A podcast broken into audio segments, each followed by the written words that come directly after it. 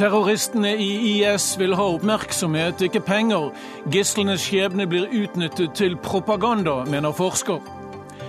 Har USA avblåst den såkalte krigen mot terror? Var den over da amerikanske soldater klarte å drepe Osama bin Laden? Norge og Kina kan forbli uvenner i tiår ennå. Er det demokratisering av Kina som kan rette på det, eller må Norge knele enda dypere for Midtens rike?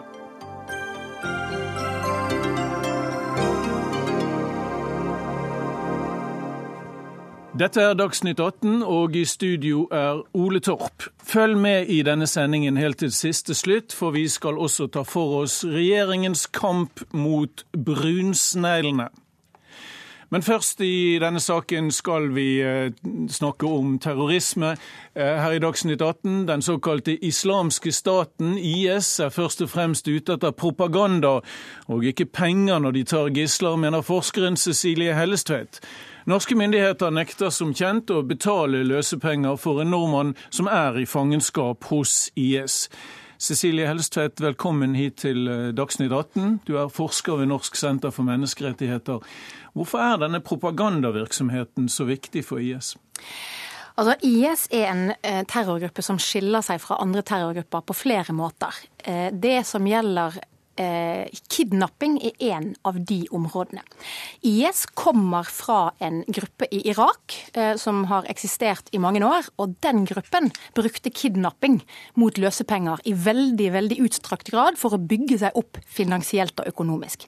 Og Dette brukte også IS frem til 2014 i Syria. Men da IS gikk inn og proklamerte sitt kalifat, altså denne islamske staten, ja. så forsøker de på en måte å bli anerkjent som en stat. Og stater driver ikke med den type virksomhet.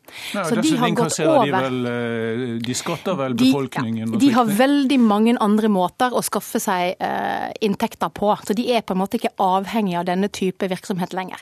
Men det som er situasjonen, er at i randsonen rundt IS, der er det mange små grupper som uh, på en måte slåss for å overleve. Og særlig i fjor vinter, hvor den internasjonale bombekampanjen mot IS gjorde at Assad-regimet kunne konsentrere seg om andre områder, bl.a. Idlib, hvor denne nordmannen da bl.a. ble tatt til fange. Og De mm. gruppene som var her, de var ganske desperate.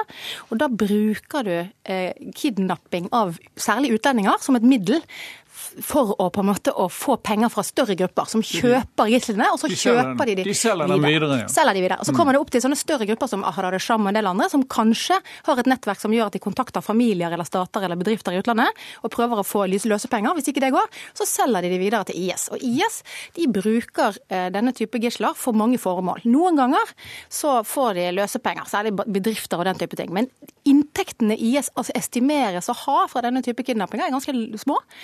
Eh, det IS gjør, bruker det for politisk press mot statlige myndigheter i naboland særlig, og så brukes det i propaganda formål. Mm. Altså også å skaffe seg nye krigere som ja. føler seg tiltrukket av disse tingene. Vi har med oss eh, Lars Gule også, som er forsker ved Høgskolen i Oslo og Akershus. Eh, Lars Gule er i København og med oss eh, på telefon.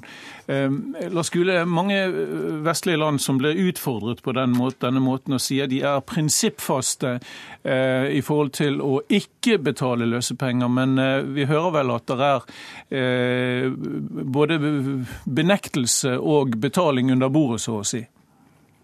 Ja, Det er eh, vel en del eksempler eh, på det. Det er noen land som er mer prinsippfaste, mens andre også tilsynelatende i hvert fall har betalt, eller i hvert fall sett gjennom fingrene med at private aktører betaler. Strengt eh, juridisk så er vel det like ulovlig som om en regjering skulle betale, i strid med egne lover som forbyr terrorfinansiering. For det er jo det man bidrar til ved å imøtekomme krav fra slike terrorgrupper. Mm.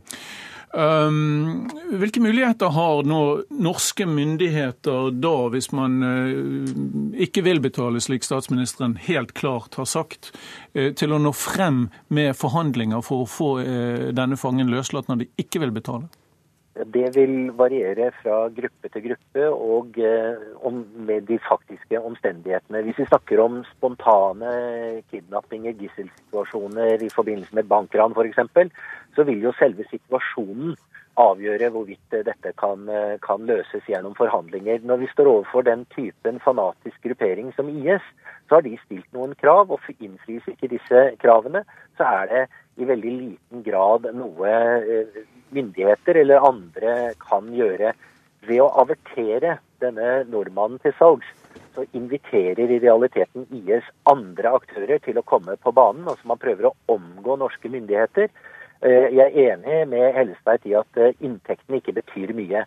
Men IS driver også krig etter middelalderske prinsipper og metoder. De følger så å si Mohammeds praksis. Mm. Og da er det å ta krigsfanger og, og utløse dem mot, uh, mot uh, løsepenger, det er en helt standard praksis.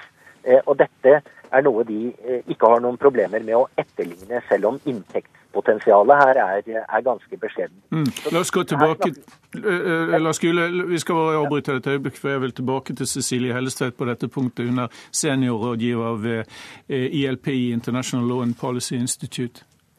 Ja, altså... Eh jeg deler nok ikke helt Lars Gule sin analyse her. Jeg tror at noe av det IS gjør i denne type operasjoner eh, Blant annet så tok de til fange en japansk journalist eh, i fjor, hvor de krevde 1,5 milliarder i løsepenger. Og det er åpenbart at det ikke kommer til å bli innfridd. Det er heller ikke formålet med den form for krav. IS har ulike skal vi si, propagandaavdelinger som forholder seg, som strekker ut en hånd eller eh, veldig mye på, eh, på Facebook og på internett til ulike publikum én type propagandastrategi retter seg mot vestlig publikum, og dette er en del av det. Eh, en annen type propaganda, ofte med helt annet innhold, mot et arabisk publikum, og en tredje type propaganda mot et muslimsk publikum i den muslimske verden.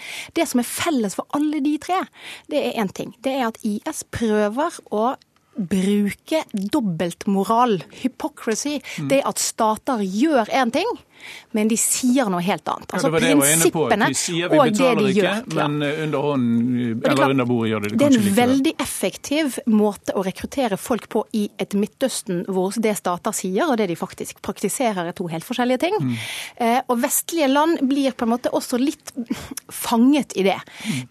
Eh, IS søker særlig rekruttering i sjikt i vestlige land som er ganske eh, sinte, eh, og som føler at den skal vi si, diskursen som vestlige land har, både om verdier i sitt eget samfunn, men også internasjonalt, ikke stemmer helt overens med praksis. Dette er jo en måte å vise at dette er stater som snakker med pene ord, men det de gjør i praksis, de er, de er på en måte like dobbeltmoralske som alle andre. Så jeg, jeg, tror nok at dette her er nok en del av den mer hypermoderne dimensjonen ved IS vi ser eh, brette seg ut. Jeg spør spørre Lars Gule igjen. Eh, hvor effektiv vil du si at denne propagandaen eh, er, Lars Gule? Ja, den er åpenbart uh, utrolig effektiv. Og kan man slå flere fluer i en smekk, i hvert fall to i en smekk, så gjør man selvfølgelig det. Når man, når man stiller krav om 100 millioner dollar, så er det ganske opplagt uh, at uh, det ikke er et krav som skal innfris. Da er dette propaganda. Selve kravets størrelse er en del av propagandaen.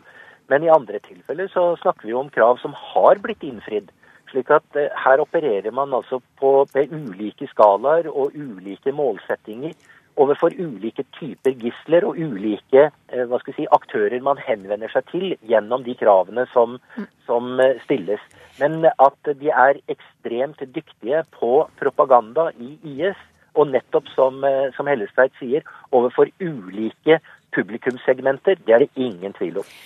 Jeg tror at eh, Når det gjelder terrorregimet og det skal vi si, strafferettsregimet som vi prøver å etablere nå for å begrense både reising til IS og også finansiell støtte til IS, er litt av nøkkelen her. Mm. Det tar seg jo litt dårlig ut hvis det er slik at vestlige land er veldig opptatt av å straffeforfølge muslimer eller andre støttespillere i våre land, enkeltpersoner som har bidratt økonomisk på en annen måte til IS, mens statene selv villig vekk kan sende store penger eh, samme vei. Det er jo ikke noe som tar seg veldig godt ut hvis man i utgangspunktet sitter og er blant de som IS kan få rekruttert. Uh, New York Times har anslått at europeiske land betalte til sammen over en milliard kroner til uh, Al Qaida uh, tilknyttede grupper frem til 2008. Hvis vi skal avrunde dette, hvor mye tror du IS har tjent på, på gisseltaking gjennom årene? Som sagt så er IS i dag ikke det samme som IS for to år siden, ett år siden til og med. Mm. Eh, to år siden, og særlig ikke ti år siden. Dette er en gruppe som egentlig går tilbake igjen til Irak 2005-2006. Og i tidligere tider har de, de har tjent store penger på denne form for gisseltagning og løsepengevirksomhet. Faktisk så må vi vel faktisk tro at en del av finansieringen av terroraksjoner tidlig i Syria-borgerkrigen kom fra ISI i Irak, som hadde tjent disse pengene gjennom gisseltakning. Så at dette er en måte for terrororganisasjoner å tjene penger på i dårlige tider, slik at de kan bygge seg større, det er ganske åpenbart. Mm, og Noen ganger eh, Cecilie Helstedt, kan det virke som de krever så mye at de ikke engang venter å få inn pengene som vi har forstått. Takk, eh, så langt bli sittende. Vi skal takke av Lars Gule i København og fortsette eh, om et lite øyeblikk eh, i et litt lignende tema.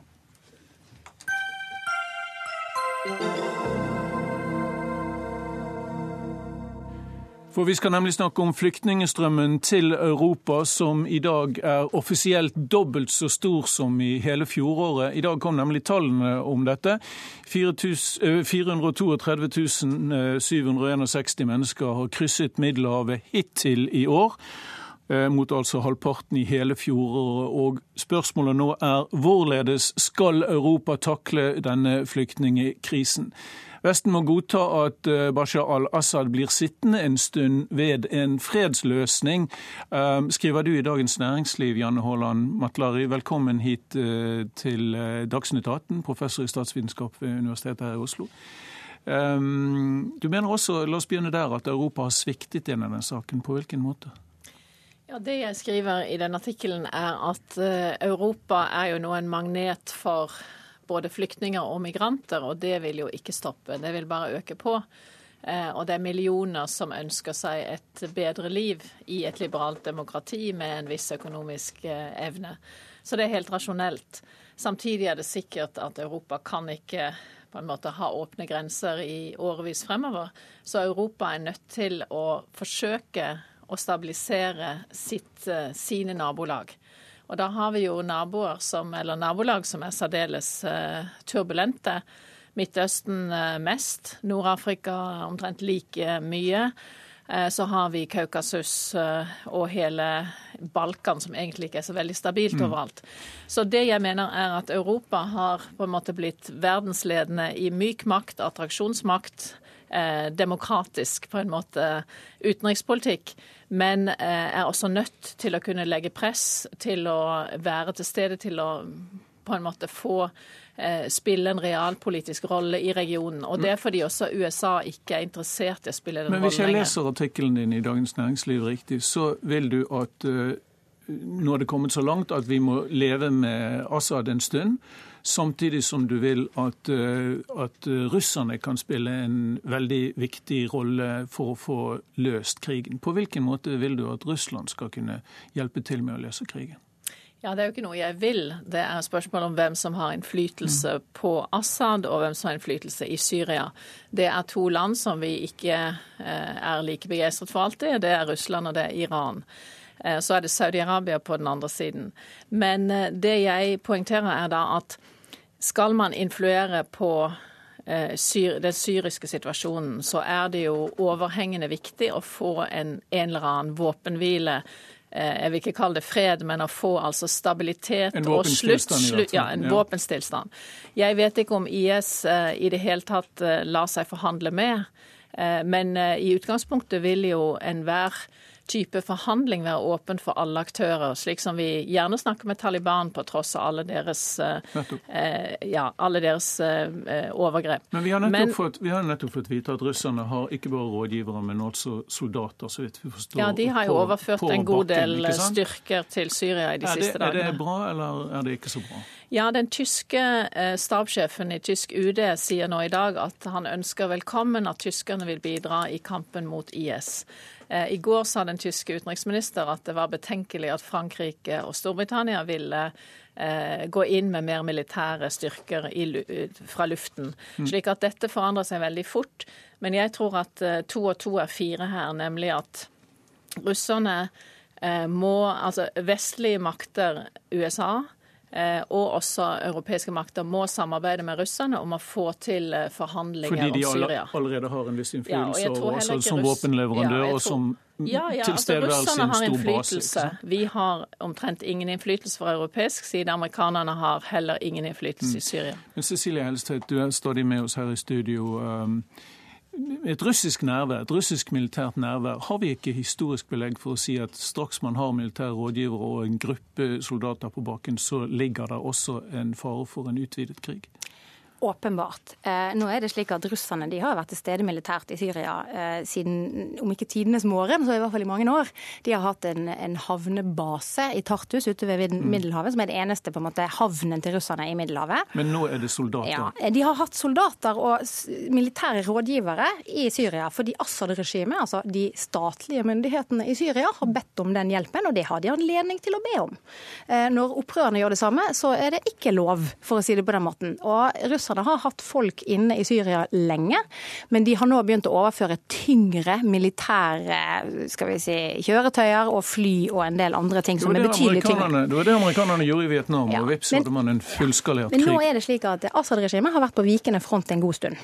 Det har særlig sammenheng med at Saudi-Arabia og Tyrkia, som jo er en annen aktør med både stor innflytelse i Syria og også veldig vitale interesser i hva som skjer på hele deres sørlige flanke, så å si, de har satt inn en offensiv eh, gjennom sine skal vi si, grupper på bakken i Syria det siste halvåret. Nett nettopp for å hindre at du får en situasjon hvor vestlige land velger å samarbeide med Assad-regimet fordi vi tenker at vi må stabilisere Syria fordi vi ikke ønsker fremmedkrigere. Mm. Fordi dette blir en sikkerhetsutfordring for oss, og det blir en humanitær utfordring når det kommer stadig flere flyktninger. Janne Holland Matland, dette blir jo et svarteperspill. Hvor, lenge skal, hvor lenge skal man se for seg at tyrannen Assad skal få lov til å sitte for å avslutte en forferdelig borgerkrig og en forferdelig situasjon i nordområdene? Ja, jeg skriver jo i artikkelen at det er en uh, veldig trist parallell her, og det er Libya, som vi var veldig aktive med fra norsk side, med norsk luftmakt.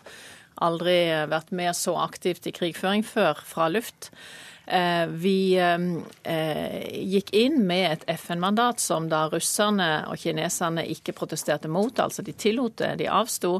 Det var en forståelse da diplomatisk om en humanitær intervensjon. Dette var i 2011. Og du ser at vi kan ja, få en sånn situasjon igjen? Ja? Poenget er da at eh, når um, krigføringen var over, og vi hadde da egentlig skiftet regime der Vi hadde jo styrtet uh, denne forferdelige Gaddafi. Mm. Så får vi altså totalt maktvakuum. Og det er det som er situasjonen nå.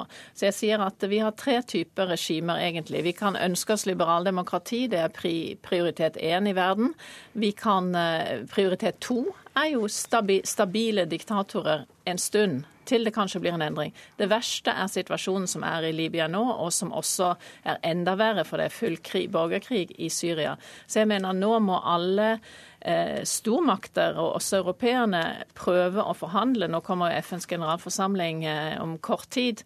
Eh, møtene der. Nå må man prøve å få til en, en, en eller annen forhandlet løsning. Mm, det er det som er paradokset i eh, storpolitikken, at noen ganger må man tåle en eh, diktator en liten stund. Takk skal dere ha begge to, Janne Haaland Matlari og Cecilie Hellstvedt, for at dere kom til Dagsnytt 18 i kveld.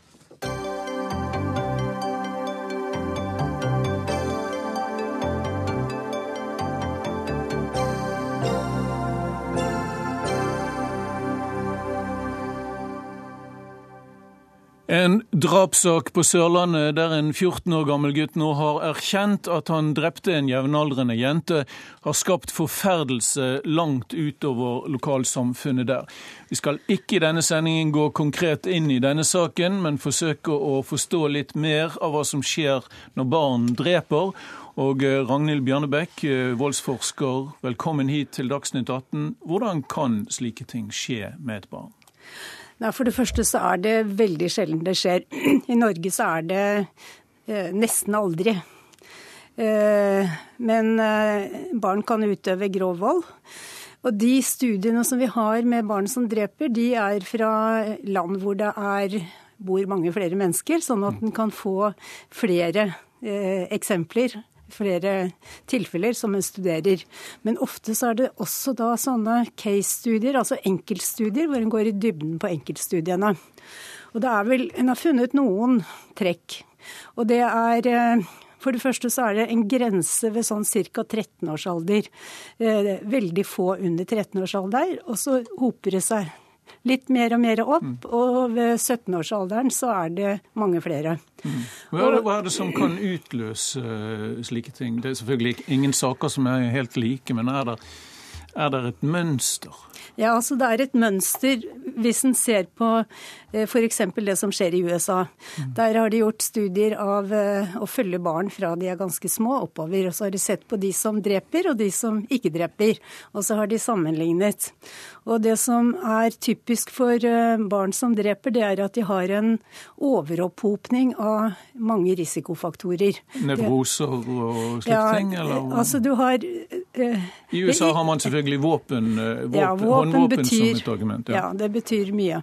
Men så er det det men det er, de ytre... Men det er midlene, ikke sant? Hva er det som trigger, uh, hvis man ser bort fra, fra håndvåpenbruken?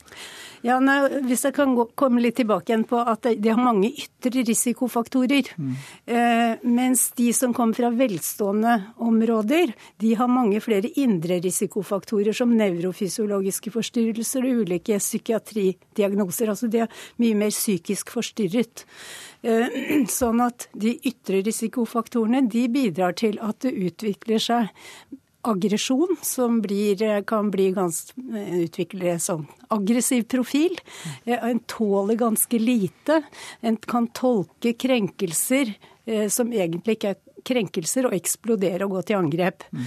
Eh, kan mobbing utløse slike reaksjoner? Ja, altså mobbing har utløst drap, men stort sett ikke på barn. Det har vært når de har blitt litt eldre, så har de gått til angrep på mobberen når de er 17 mm. år eller noe sånt. Mm.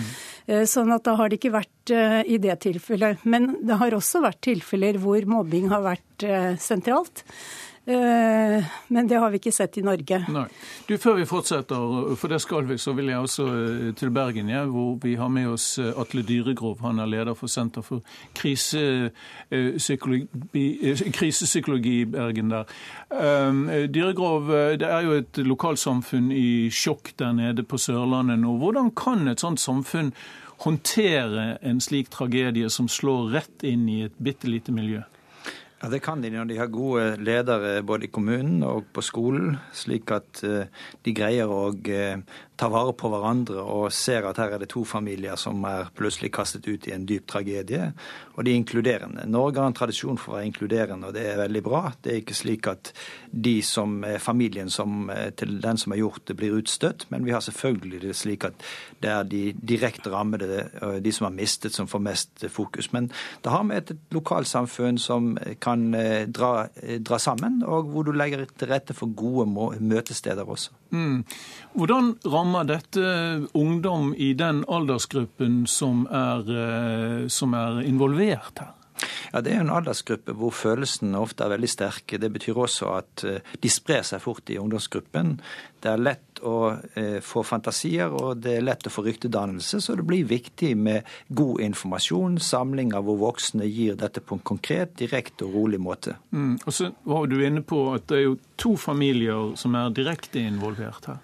Så foreldrene må vel også ha mye hjelp på begge sider. Ja da, og her vil jo kriseteamene spesielt ha det fokus, og så vil skolen ha klassefokus, ungdomsfokus. og eh, Så til sammen tenker jeg at vi er godt rustet i Norge for å takle slike tragedier. Og jeg syns det er godt at vi er et veldig inkluderende samfunn som ikke støter ut de som, eh, som her er foreldre, eller den som har eh, utøvd handlingen. For det ser man, Har man f.eks. sett i Storbritannia at det blir vanskelig Eh, å bli værende i miljøet hvis man er familie av den som har utøvd volden?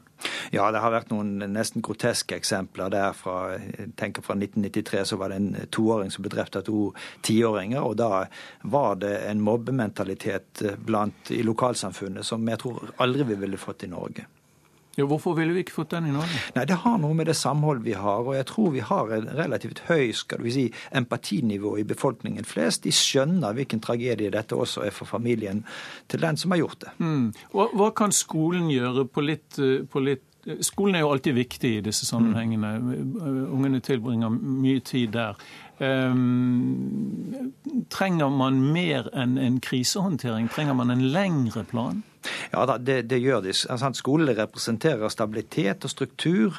Det er viktig å få skolen i gang igjen eh, tidlig. Men det er også slik at det vil være Vi, vi fant etter en ulykke en gang at ni måneder etterpå var det ca. 20% av elevene som fremdeles slet. Og her vil det nok være flere. Så du må ha et langsiktig perspektiv, og du må ha et kortsiktig perspektiv. Siste spørsmål, Atle Dyregrov. Eh, er dette vanskeligere i småsamfunn enn i byer? Ja, det er nok det. fordi at du lever så tett innpå hverandre. Så både utøver og den, den, familien dette går utover, de møter hverandre i hverdagen, og det gjør det vanskeligere. Derfor betyr det at du må investere nokså mye på disse prosessene som leger i et lokalsamfunn. Mm. Takk skal du ha, Atle Dyregård, for at du kunne være med i eh, Dagsnytt 18 i kveld. Tilbake til, eh, til deg, eh, Ragnhild Bjørnebekk. Bare en ting jeg glemte å spørre om i sted. Denne gutten i det aktuelle tilfellet er 14 år gammel. Når han blir 18, må han sone da for det han har gjort? Nei, han er under den kriminelle lavalder, og da tenker man rehabilitering og behandling og ikke straff. Mm. Sånn, og det er viktig for det norske samfunnet at de ikke havner i fengsel. For eh, det har vist seg at eh, når det er snakk om fengsel, så knytter de yngre Eh, kontakter til de eldre, og det er veldig lett å komme inn i kriminelle løpebaner. Mm. Og så er det så sentralt å komme inn tidlig med behandling, sånn at det å få behandling istedenfor straff i fengsel er veldig sentralt. Og det gjelder også sånn når en blir 18 år. Eh, forhåpentligvis har han da kommet inn i en god utviklingsløype, sånn at dette så han har fått kontroll på volden sin. Si noe om, Det, det finnes åpenbart ikke en gjengs oppskrift for alle, men hvilke muligheter har Eh, dette barnet for å, for å komme i en trygg situasjon nå?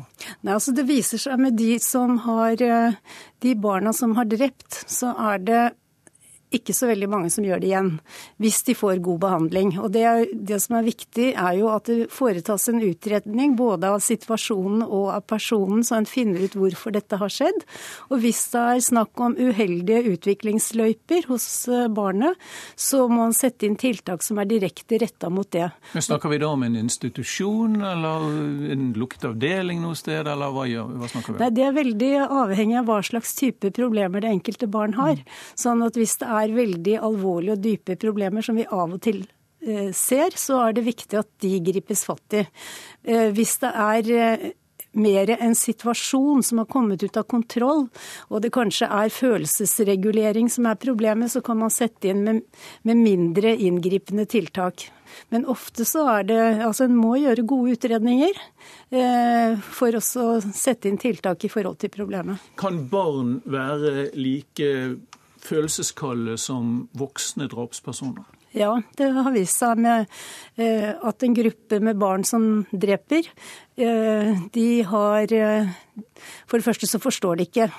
Og noen har ikke empati, og noen få har heller ikke Eller de har en sånn form for følelseskulde og ikke dårlig samvittighet. Men det er ikke typisk for barn generelt. Vanligvis så har barn både en fungerende samvittighet, og de har høy empati for andre. Mm. Men det er, kan være et personlighetsavvik som det er viktig å gripe fatt i tidlig. Og Vi vet at dette ikke skjer veldig ofte i Norge, og vi understreker igjen at vi nå snakker generelt og ikke om den foreliggende sak i Søgne på Sørlandet. Mm. Takk skal du ha, Ragnhild Bjørnebekk, for at du hjalp oss å ordne opp i dette og forstå litt mer. Og takk for at du kom til Dagsnytt 18 i kveld. Takk.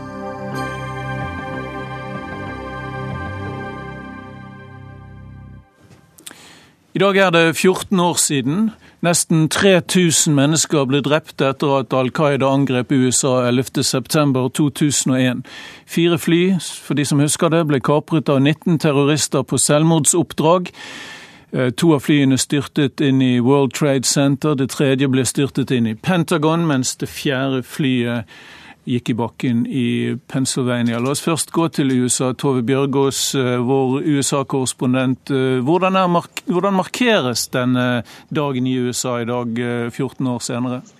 Ja, disse, denne dagen markeres jo på samme måte som den har blitt gjort uh, hvert eneste år siden dette skjedde. Uh, I morges her så var det en seremoni uh, på Ground Zero, eller i minneparken der tvillingtårnene sto, hvor alle navnene på de som ble drept der ble lest opp, og det var, hvor det var ett minutts stillhet på tidspunktet hvor hvert av de to flyene traff, og hvor hvert av de to tårnene kollapset. Og Det har også vært seremonier utenfor Pentagon og i Pennsylvania i dag, og også utenfor Det hvite hus.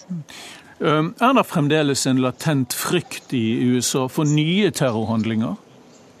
Det, det, det, er jo det, og det er alltid lett å, å spille på den frykten. F.eks. når man snakker om IS-flyktninger eh, fra Syria eller eh, atomavtalen med Iran. Men det er jo et faktum at USA ikke er blitt angrepet. At det ikke har vært et stort koordinert terrorangrep på amerikansk jord siden dette skjedde. og at Det største angrepet som har vært, er vel dette som var nede i Fort Hood i Texas i 2009, der en soldat tok med seg eh, ni medsoldater i, i døden. Han var både islamist og, mentalt forstyrret. Men man har, man har, altså klart å beskytte hjemlandet gjennom disse omfattende tiltakene og hele det apparatet som ble satt i gang etter angrepene for 14 år siden. Mm. Takk så langt, eh, Tove Bjørgaas. Anders eh, Romerheim, velkommen hit til Dagsnytt 18. Du er sikkerhetspolitisk forsker og har skrevet en doktoravhandling nå, eh, hvor du sier faktisk at kampen mot terror er over, og at den sluttet for fire år siden. Hvordan henger det sammen? Krigen mot terror mener jeg er over som konsept.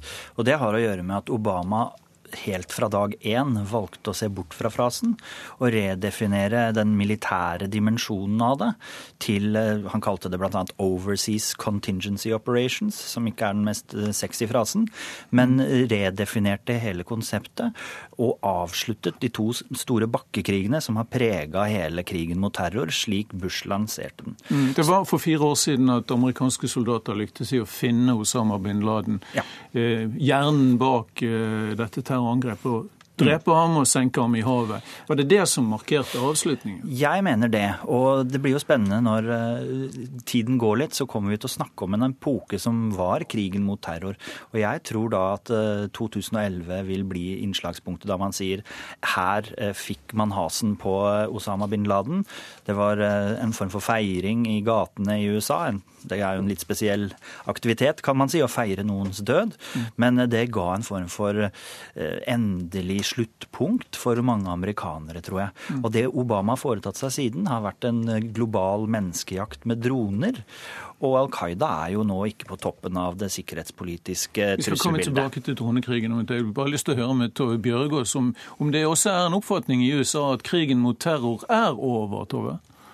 Det var en enorm begivenhet da Obama og land ble funnet etter alle disse årene. Eh, og Man bruker jo ikke dette begrepet her lenger. Man, man snakker, om mot, man, man snakker om kampen mot terroristene og mot IS, men, men, men, det var jo spesielt krigen i Afghanistan som var knyttet mest til dette med krigen mot terror. og også den eh, det som skjedde med altså den splittelsen som ble i samfunnet etter eh, den tilnærmingen som president Bush tok i, altså i, i ukene og månedene etter angrepene gjorde også at altså, altså denne polariseringen oppsto her. Og, og, Den har kanskje blitt styrket, men heller på andre områder. Dette begrepet brukes sjelden lenger. Mm. Takk skal du ha, Torbjørg. Og Ja, med Geir Lundestad, eh, historiker og USA-ekspert her, her, i studio. Geir Lundestad, er du enig i at krigen mot eh, terror som begrep var slutt da Osama bin Laden ble funnet og drept? Vel, Jeg vil jo først eh, gratulere Anders med doktoravhandlinga. Det er jo veldig hyggelig. at ja, for, for dette er postulatet i, eh, i Dette er postulatet i hans doktoravhandling. Ja. Eh, men som i alle doktoravhandlinger så avhenger veldig mye av definisjonen, hvordan du velger å definere ting. Og han har jo helt rett i at begrepet, altså war on terrorism, det er borte vekk. Obama likte ikke det, og det avskaffa han jo ganske tidlig. Så sånn sett så, så, så, så skjedde det veldig raskt. Eh, det, han har også helt rett i at eh, det er vel ikke særlig sannsynlig at USA kommer til å føre store eh, bakkekriger lenger. I hvert fall ikke i nærmeste fremtid. da, Sånn at det virkemidlet kommer ikke til å bli brukt. Og bin Laden er drept. Men å si at liksom kampen mot terrorisme er over, det syns jeg er Eh, veldig overdrevet. For det er jo bare å peke på en del andre element. Obama snakker ikke om global war on terrorism, men det offisielle begrepet er jo på en måte 'countering violent extremism'. Så de er fremdeles opptatt av eh, kampen eh, mot ekstremisme. Og det er klart, Hele dronekrigen kommer jo inn som et veldig viktig element i dette. Obama har jo trappa opp dronekrigen betydelig, og dette er jo kampen mot terrorisme i mange land. da. Og så er det jo den evige søken da etter samarbeidspartnere. Eh, for USA kan ikke gå inn med styrker sjøl, men de leter jo da hele tida i alle disse landene, Syria og Irak, og få tak i samarbeidspartnere. Sånn men, kampen er jo ikke over. Om, skal vi snakke litt om den dronekrigen? For den er jo omdiskutert, selv om den tilsynelatende er, er effektiv. Det er jo også en, en form for krigføring eller en form for oppsporing og uskadeliggjøring av terrorister som er sterkt omdiskutert. En fullstendig utenomrettslig måte å, å, å føre terrorkrig på Roma. Vekker ikke samme reaksjoner som krigen mot terror gjorde? Nei, det er, det er, en helt annen form for krig. Og den er helt på grenselandet mellom krig og fred. Og det at CIA har drevet dronekrigen i området rundt Jemen, viser jo at det ikke er Pentagon som er i førersetet overalt heller. Kan CIA være i krig istedenfor Pentagon, er jo sånn sett et spørsmål. Men det er vel saktens flere amerikanske eh, bevæpnede grupper som driver eh, dronekrig mer eller mindre i konkurranse mot hverandre? Ja, Det vet jeg ikke om de er i konkurranse mot hverandre. Men eh, jeg er også enig med Lundestad her at det kommer veldig an på hvordan man definerer det. Og at USA ønsker å bekjempe terrorisme fortsatt, det er det ingen tvil om.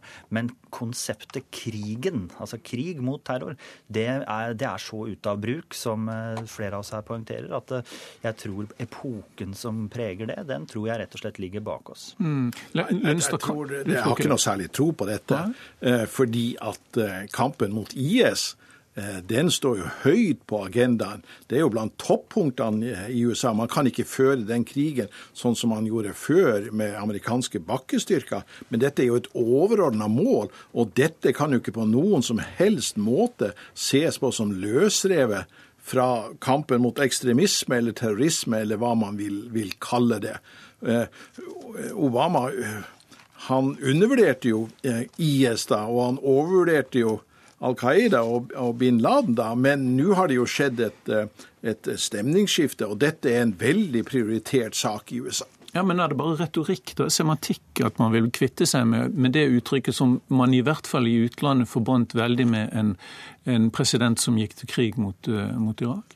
Jeg, jeg synes at uh, her er et klart retorisk element i det som Anders sier, da, mm. og at uh, realiteten er mindre forandra. Det, det, er jo rett dette med at man i USA skal ikke sende inn store bakkestyrker, men, men, det har jo vært klart veldig lenge etter at Irak-krigen var så feilslått som den var. Ja, det er uh, mulig å se linjene til Syria-konflikten, men uh, den viktigere grunnen til at Syria har blitt det voldsomt ukontrollerbare, uh, regionalt overskridende helvete, det har jo å gjøre med oppspringet i den arabiske våren, som brant rundt omkring middelhavsområdene, og der man fikk en situasjon helt ute av kontroll. Så da var det jo aktuelt å gå inn mot Assad. Eh, men jeg mener at den krigen er noe annet enn Bushs store landkampanjer. Og Obama har en veldig sterk eh, uvilje mot å bruke militærmakt. Han ønska europeisk lederskap også her, men eh, Cameron han feilberegna. Han ønsket jo å stenge Guantánamo-fangeleiren også, mm. uten at han har klart det. Og den er vel saktens en del av krigen mot terror? Ja. og Noe av grunnen til at Obama ønska å pensjonere denne denne, eh, dette begrepet er jo fordi det var så belasta. Det var Guantánamo, det var waterboarding. Og min analyse har jo da vært å se hvordan lederartiklene skriver om dette, og frasen har forsvunnet ut. Og, eh, og, de gangene de brukte den etter hvert, så var det jo ofte for å ta opp de kontroversielle eh, menneskerettighetsperspektivene rundt dette i en negativ, med negativt fortegn. Jeg, jeg, så en utskrift av, av doktoravhandlingen din at du legger også veldig vekt på hva The Wall Street Journal skrev, og hvordan uh, Washington Post formulerte seg. Sånn, var det en veldig nær uh, sammenheng med hvordan uh, Det hvite hus tenkte og hva avisene skrev? med det? Ja, er, det er et av de andre mest interessante funnene, hvor tidlig Wall Street Journal var ute med å prøve å få til en invasjon av Irak. For dette er snakk om kun dager etter 9-11 for 14 år siden, som de åpent tar til orde for at vi er nødt til å fjerne Saddam i denne eh, håndvendingen og globale maktanstrengelser. Så du mener at avisen tok like mye feil som ledelsen i Det hvite hus og Forsvarsdepartementet gjorde? Ja, det, I hvem som hadde skylden, mener jeg. Ja, jeg tror ikke du kan gi en avisa en skyld, noe skyld, men det som det motbeviser, er at eh, Bush-administrasjonen ikke dro med seg media til å støtte krigen i Irak. Eh, det gjorde de med Washington Post, men Wall Street Journal det var heller de som, eh, altså Bush-administrasjonen som kom etter til å gå for den policy som Wall Street Journal hadde forfekta i flere år. Mm. Geir Lundstad, var det Wall Street Journal som startet denne krigen, egentlig? Nei, selvfølgelig var det ikke det. Og jeg syns jo her er en litt blanding av de historiske kortene. Eh, fordi at eh, George Bush, når han da gikk til krig mot Irak, så var det, ikke, det var jo ikke kampen mot terrorisme. Bush-administrasjonen de hadde ikke vært noe særlig opptatt av kampen mot terrorisme. De så jo, det, De som de brennemerka da, det, det, var jo eh, Irak, Iran og Nord-Korea. Det var jo stater. Så hele dette terrorismefenomenet det kom først klart på agendaen gjennom 11. 11. september, men, men, men, men så Men det var jo da man fikk det Homeland uh, ja, ja, det var da man fikk det. Men, men når liksom. Anders da sier liksom at eh, kampen mot terrorismen, sånn som den ble ført av George Bush gjennom Irak. Men kampen i, krigen i Irak hadde veldig lite med terrorisme å gjøre ikke Bush-administrasjonens eh, forståelse av den.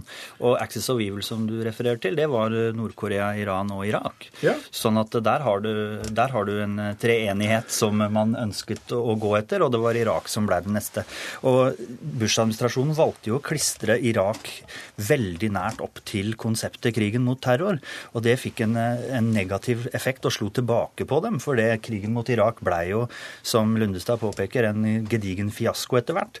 Og da smitta det over over på konseptet krigen mot terror, som gjorde det enda mer ubrukelig for Obama. Og som, som gjorde, det og som ja. gjorde det nødvendig for ham å begrave dette ja, begrepet. Som retorisk eh, konsept. Og, og det er det, det, vi snakker eh, mest om her, den, det retoriske begrepet. Og så kan man da stille motspørsmålet kan USA være i en krig som the commander in chief ikke anerkjenner at han er i? Mm. Og det spørsmålet det svarer jeg da nei på, og slik lander jeg på at krigen mot terror den mener jeg er over. Men samtidig skal vi ikke være blåøyde og tro at eh, alle amerikanske spionorganisasjoner ikke sniker seg rundt og leter etter potensielle terrorister, eller hva, Geir Nei, nei, krigen mot terror, eh, eller mot ekstremisme, den foregår i aller høyeste grad.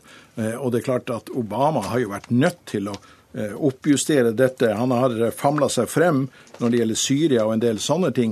Men kampen mot IS den står veldig høyt på agendaen i USA. Eh, og, og, det virker unaturlig å, å skille den eh, fra, fra, kampen eh, mot ekstremisme. Ok, Vi får uh, stoppe der uh, i dag. Uh, Geir Lundestad og Anders Romerheim, takk for at dere kom begge to til Dagsnytt 18 i kveld.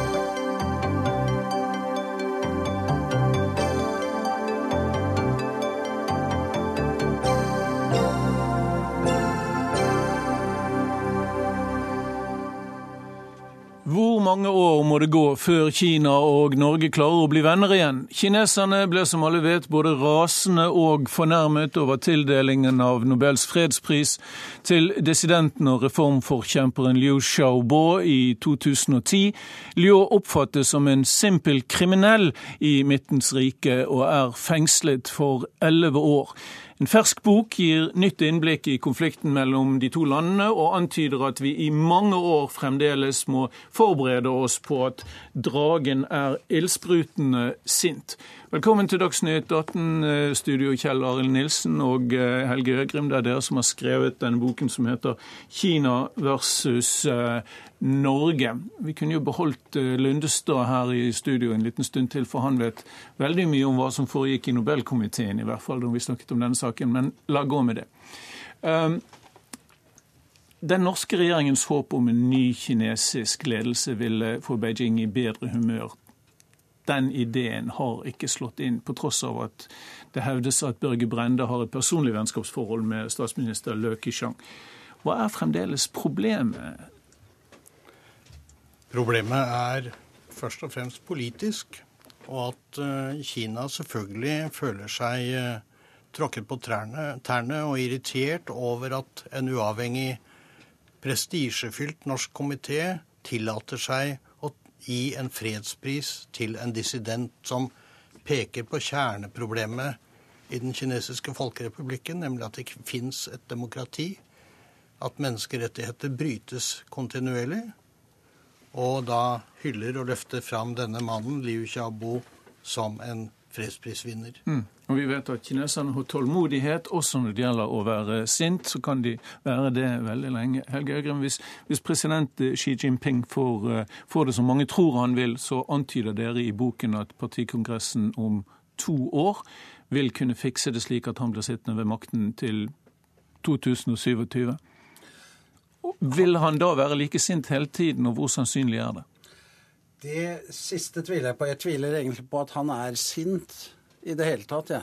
Eh, han har nok et, et realistisk, eh, en realistisk oppfatning av denne konflikten. Han har valgt eh, å forlenge den straffen som hans forgjenger påførte Norge pga. fredsprisen. Det koster ikke Kina stort. Vi kan jo i og for seg også leve med det.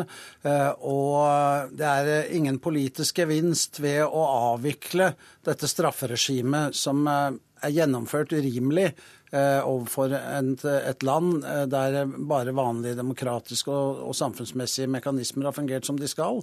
Eh, men, han, men, men, hva er da hensikten? Hensikten er mangfoldig.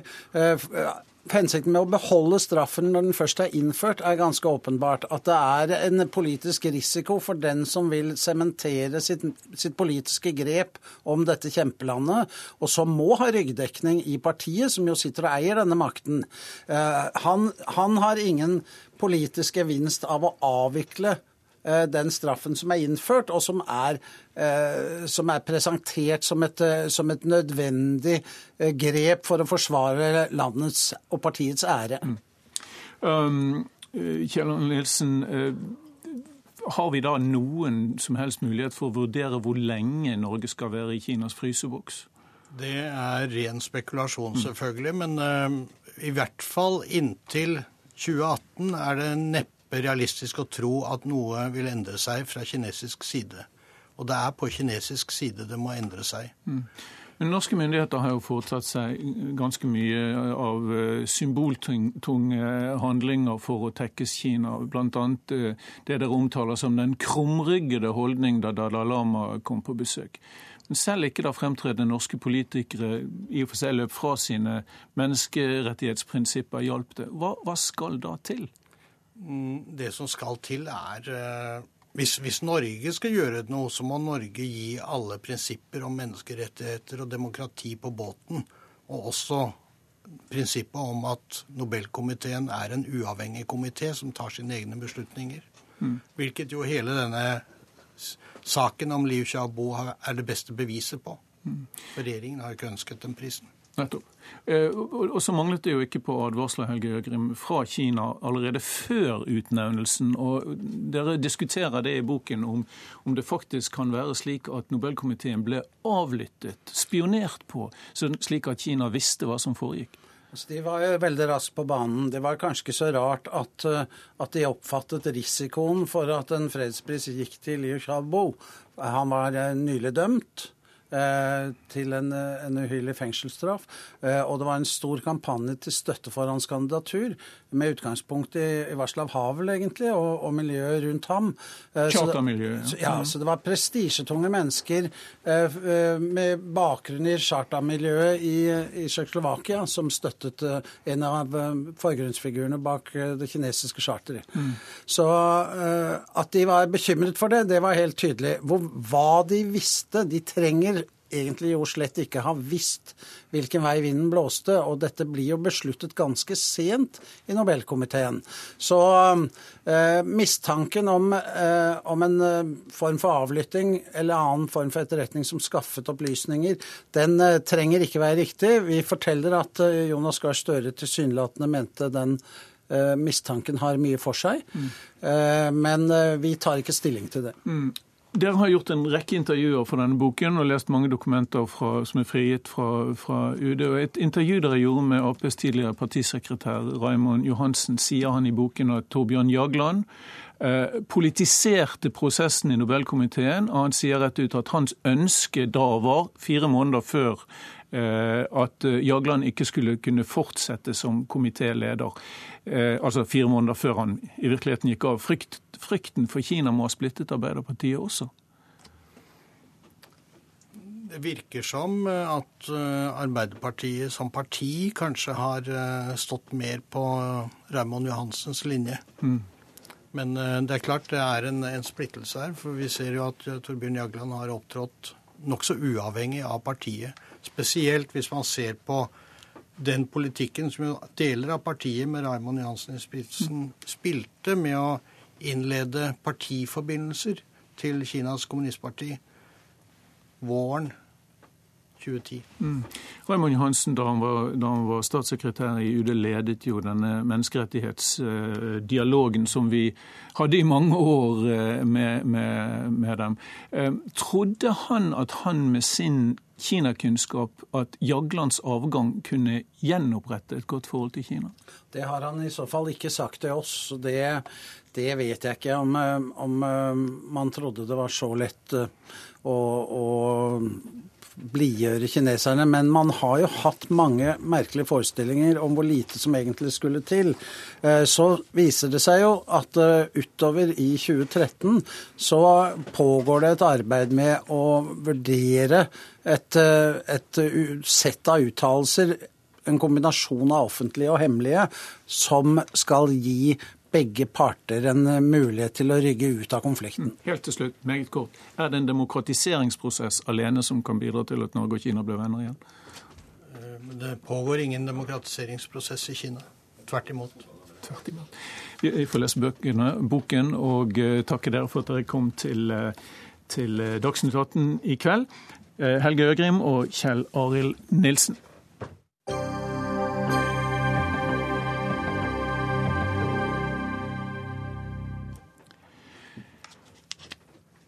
Klima- og miljøministeren må slutte å bruke tid på å bekjempe brunsneglen, og heller ta tak i de virkelige miljøproblemene, mener SVs eh, Heikki Holmås. Um, I juni fastsatte regjeringen en forskrift om fremmede organismer, som det heter. og Dermed er det snart vanskeligere for brunsneglen, iallfall i teorien, å komme inn i landet vårt som blindpassasjer, fordi de som importerer planter nå må undersøke varene sine mye grundigere.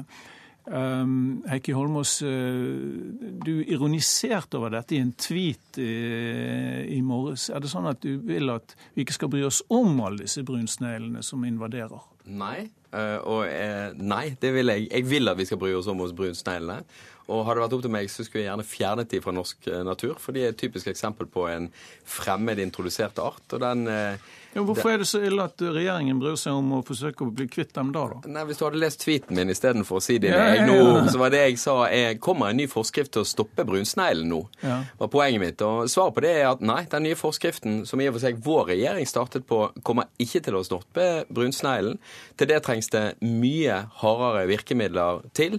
Men poenget mitt var å si at den listen som eh, regjeringspartiene i dag eh, linet opp for å møte kritikken kritikken fra miljøbevegelsen som kalte regjeringen for naturfiendtlig, den er puslete og litt pinlig sett fra alle de folkene som faktisk kan noe om naturvern her i landet. Mm.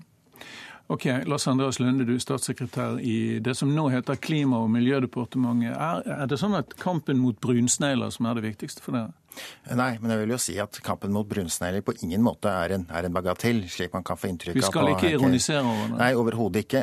Først første så er jo brunsneglen en stor plage for hageeiere og alle andre som går og vasser i disse ganske ekle krypene. Men, men brunsnegl er jo et typisk eksempel på farlige fremmede arter som altså ikke hører hjemme i norsk natur, som kommer andre steder fra og gjør stor skade i norsk natur. In invasjonen av fremmede arter er en av de største miljøutfordringene eh, for norsk natur. Nå har endelig regjeringen tatt fatt i dette og vedtatt en forskrift som lå i mange år, som den forrige regjeringen ikke gjorde noe. Eh, naturmangfoldloven kom i 2009. Denne forskriften lå og støvet i skuffene under den rød-grønne regjeringen. Denne regjeringen tok tak i det og fikk vedtatt denne forskriften. Kritikerne sier at dere interesserer dere bare for småtingene? Nei, absolutt ikke. Vi har også store ting. Vi har bl.a. vedtatt eh, en såkalt utvalgt naturtype, altså spesielt vern om, om kystlynghei. Og det er litt rart at Heikki Holmås syns at altså det å ta vare på denne fantastiske, flotte lyngtypen som vi har langs, langs kysten vår, som er veldig viktig for, for, for norsk natur, og norsk eh, særpreg, at det er en bagatell. Eller f.eks. også prioritere, dvs. Si spesiell beskyttelse for truede, utstarta arter som fjellrev, skredmjeld, trøndertormose og andre planter som har rare, merkelige navn, men som likevel er viktige for det biologiske mangfoldet i Norge. Dette må jeg ikke holde Jeg er veldig for det biologiske mangfoldet. Og det var faktisk vår regjering som så vidt jeg vet startet arbeidet med alle de prioriterte naturtypene som du, og artene som du nå snakket om. Men det jeg prøver å si, er følgende. Miljøbevegelsen var ute i forrige uke, kalte dere eh, for en trussel mot naturen. Det møtte Fremskrittspartiet med å foreslå å kutte støtten til miljøorganisasjonene. Og dere møtte kritikken med å si at eh, vel, vi har gjort veldig masse ting for naturen. Så sier jeg den listen dere har stilt opp, den er pinlig kort og pinlig lite vesentlig sammenlignet med de tingene dere har gjort. La meg ta noen eksempler. For det første så sier dere vi har tatt hensyn til naturen. Vi har ett veiprosjekt der vi har tatt miljøhensyn.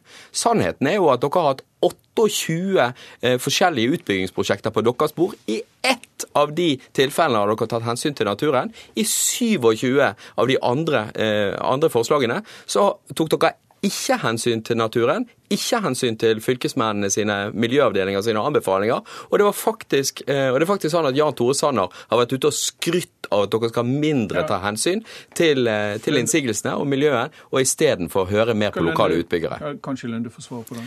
Ja, Nå er det ikke første gang eh, miljøbevegelsen er ute og kritiserer en regjering. Din regjering ble kritisert for å bygge ned naturen, sa naturvernorganisasjonene om den.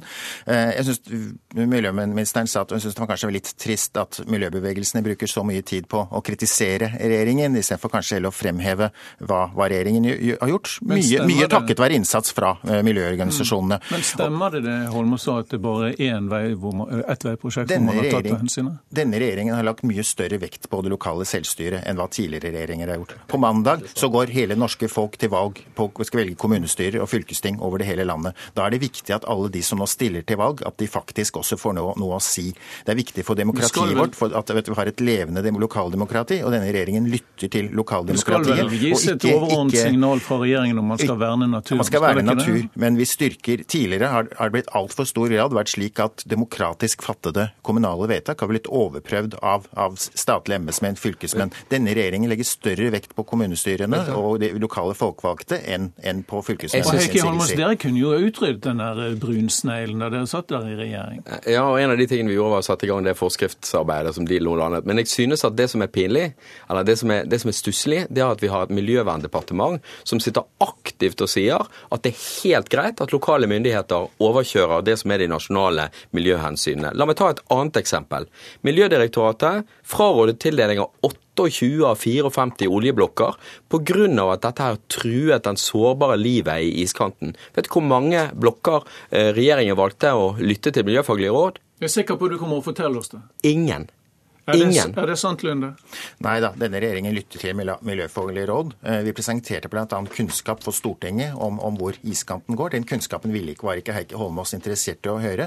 Hans regjering skal ha kreditt for én ting. Det var at de, de åpnet altså, Barentshavet sørøst for, for, oljevirksomhet. Det var noe jeg ikke ville tro at SV ville gjøre i, i regjering, men det, det, det, gjorde den. Det var altså første gang på 25 år at et nytt eh, havområde utenfor Norge ble åpnet for oljeproduksjon. Okay.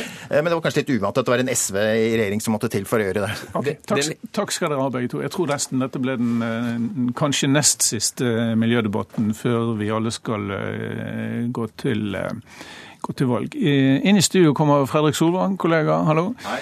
Det blir mye politikk utover kvelden og natten her i NRK nå når vi nærmer oss innspurten. På NRK1 og Alltid nyheter er det partilederdebatt i kveld, ikke sant? Og så er det en storsatsing på NRK. Fortell om det. Klokka 23 overtar vi på NRK2 og eh, starter det vi har kalt Valgstafetten. Det skal vare et helt døgn. Debatter fra hele landet eh, i alle former og varianter. Jeg kan også love mye, mye flere, mange flere miljødebatter. Eh, vi skal får også hjelp av andre NRK-redaksjoner, og distriktskontorene bidrar. Fredrik Solvang i 24 timer. Vi blir aldri lei av deg, Fredrik. Det blir mye politikk der. Da er Dagsnytt 18 ved veis ende i kveld. Denne sendingen var det Ingebjørg Sæbu som var ansvarlig for. Teknisk ansvarlig Finn Lie. Jeg heter Ole Torp.